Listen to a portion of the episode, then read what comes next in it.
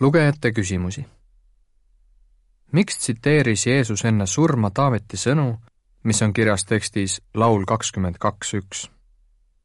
enne oma surma ütles Jeesus muuhulgas sõnad, mis on kirjas tekstis Matteuse kakskümmend seitse nelikümmend kuus. mu Jumal, mu Jumal, miks sa oled mu maha jätnud?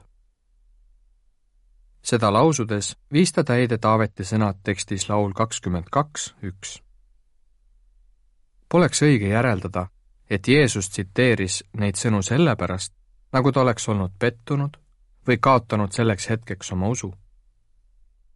Jeesus mõistis täielikult, miks ta peab surema ja ta oli selleks valmis. samuti ta teadis, et surmaajaks peab Jehova võtma temalt ära mis tahes kaitse. sellega andis Jehova Jeesusele võimaluse tõestada, et ta suudab jääda ustavaks ükskõik kui raskes olukorras. aga miks siis Jeesus ikkagi lausus need sõnad? me ei tea täpset vastust sellele küsimusele, aga allpool on toodud mõned võimalikud variandid. Jeesus võis nende sõnadega rõhutada, et Jehova ei sekku tema hukkamisse. ta pidi tooma lunastusohvri ilma Jehova abita.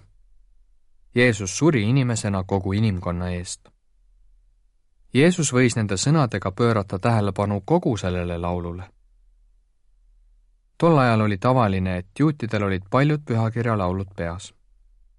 kui keegi mainis mingi laulu ühte salmi, tuletas see teistele meelde kogu laulu. kui Jeesusel oli see eesmärk, siis aitas ta oma juutidest järelkäijatel meenutada paljusid ennustusi sündmuste kohta, mis tema surmaga täitusid lisaks on selle laulu lõpus võimas kirjeldus ajast, mil Jehova valitseb kuningana maa üle. Jeesus võis Taaveti sõnadega rõhutada, et tal pole mingit süüd. enne surma peeti Jeesuse üle ebaseaduslik kohtuprotsess, kus teda süüdistati Jumala teotuses.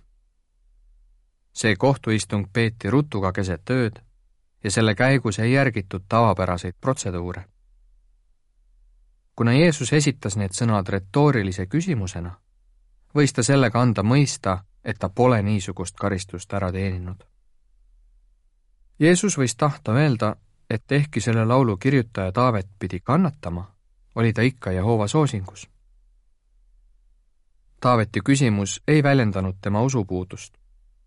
pärast seda küsimust väljendas ta oma veendumust Jehova päästejõusse ja Jehova õnnistas teda ka edaspidi sama võib öelda Taaveti poja Jeesuse kohta, kes vaevles piinapostil. ilmselgelt oli ta Jehova soosingus. Jeesus võis väljendada oma ääretut kurbust sellepärast, et Jehova pidi oma kaitse ära võtma, nii et tal oleks võimalik tõestada oma laitmatust. Jehova esialgne plaan ei olnud see, et tema poeg peaks kunagi kannatama või surema.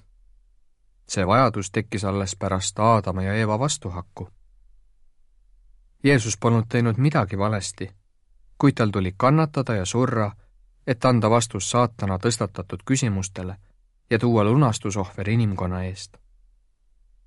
see sai toimuda ainult nii, et Jehova võttis korraks tema pealt kaitse ära. Jeesus võis suunata oma jüngrite mõtted põhjusele, miks Jehova lubas tal sel viisil surra. allmärkuses öeldakse Jeesus ütles tihti mingi mõtte või tõstatas küsimuse, mis ei pruukinud väljendada tema enda tundeid. ta tegi seda selleks, et ergutada oma järelkäijaid arutlema. allmärkuse lõpp. Jeesus teadis, et tema häbiväärne surm kurjategijana võib saada paljudele komistuskiviks. Jeesuse surma tegelikule põhjusele keskendumine aitas tema jüngritel sellesse õigesti suhtuda tänu sellele oli ta nende silmis päästja, mitte kurjategija. ükskõik, mis põhjusel Jeesus need sõnad lausus, sai ta aru, et tema surm piinapostil on kooskõlas Jehova tahtega.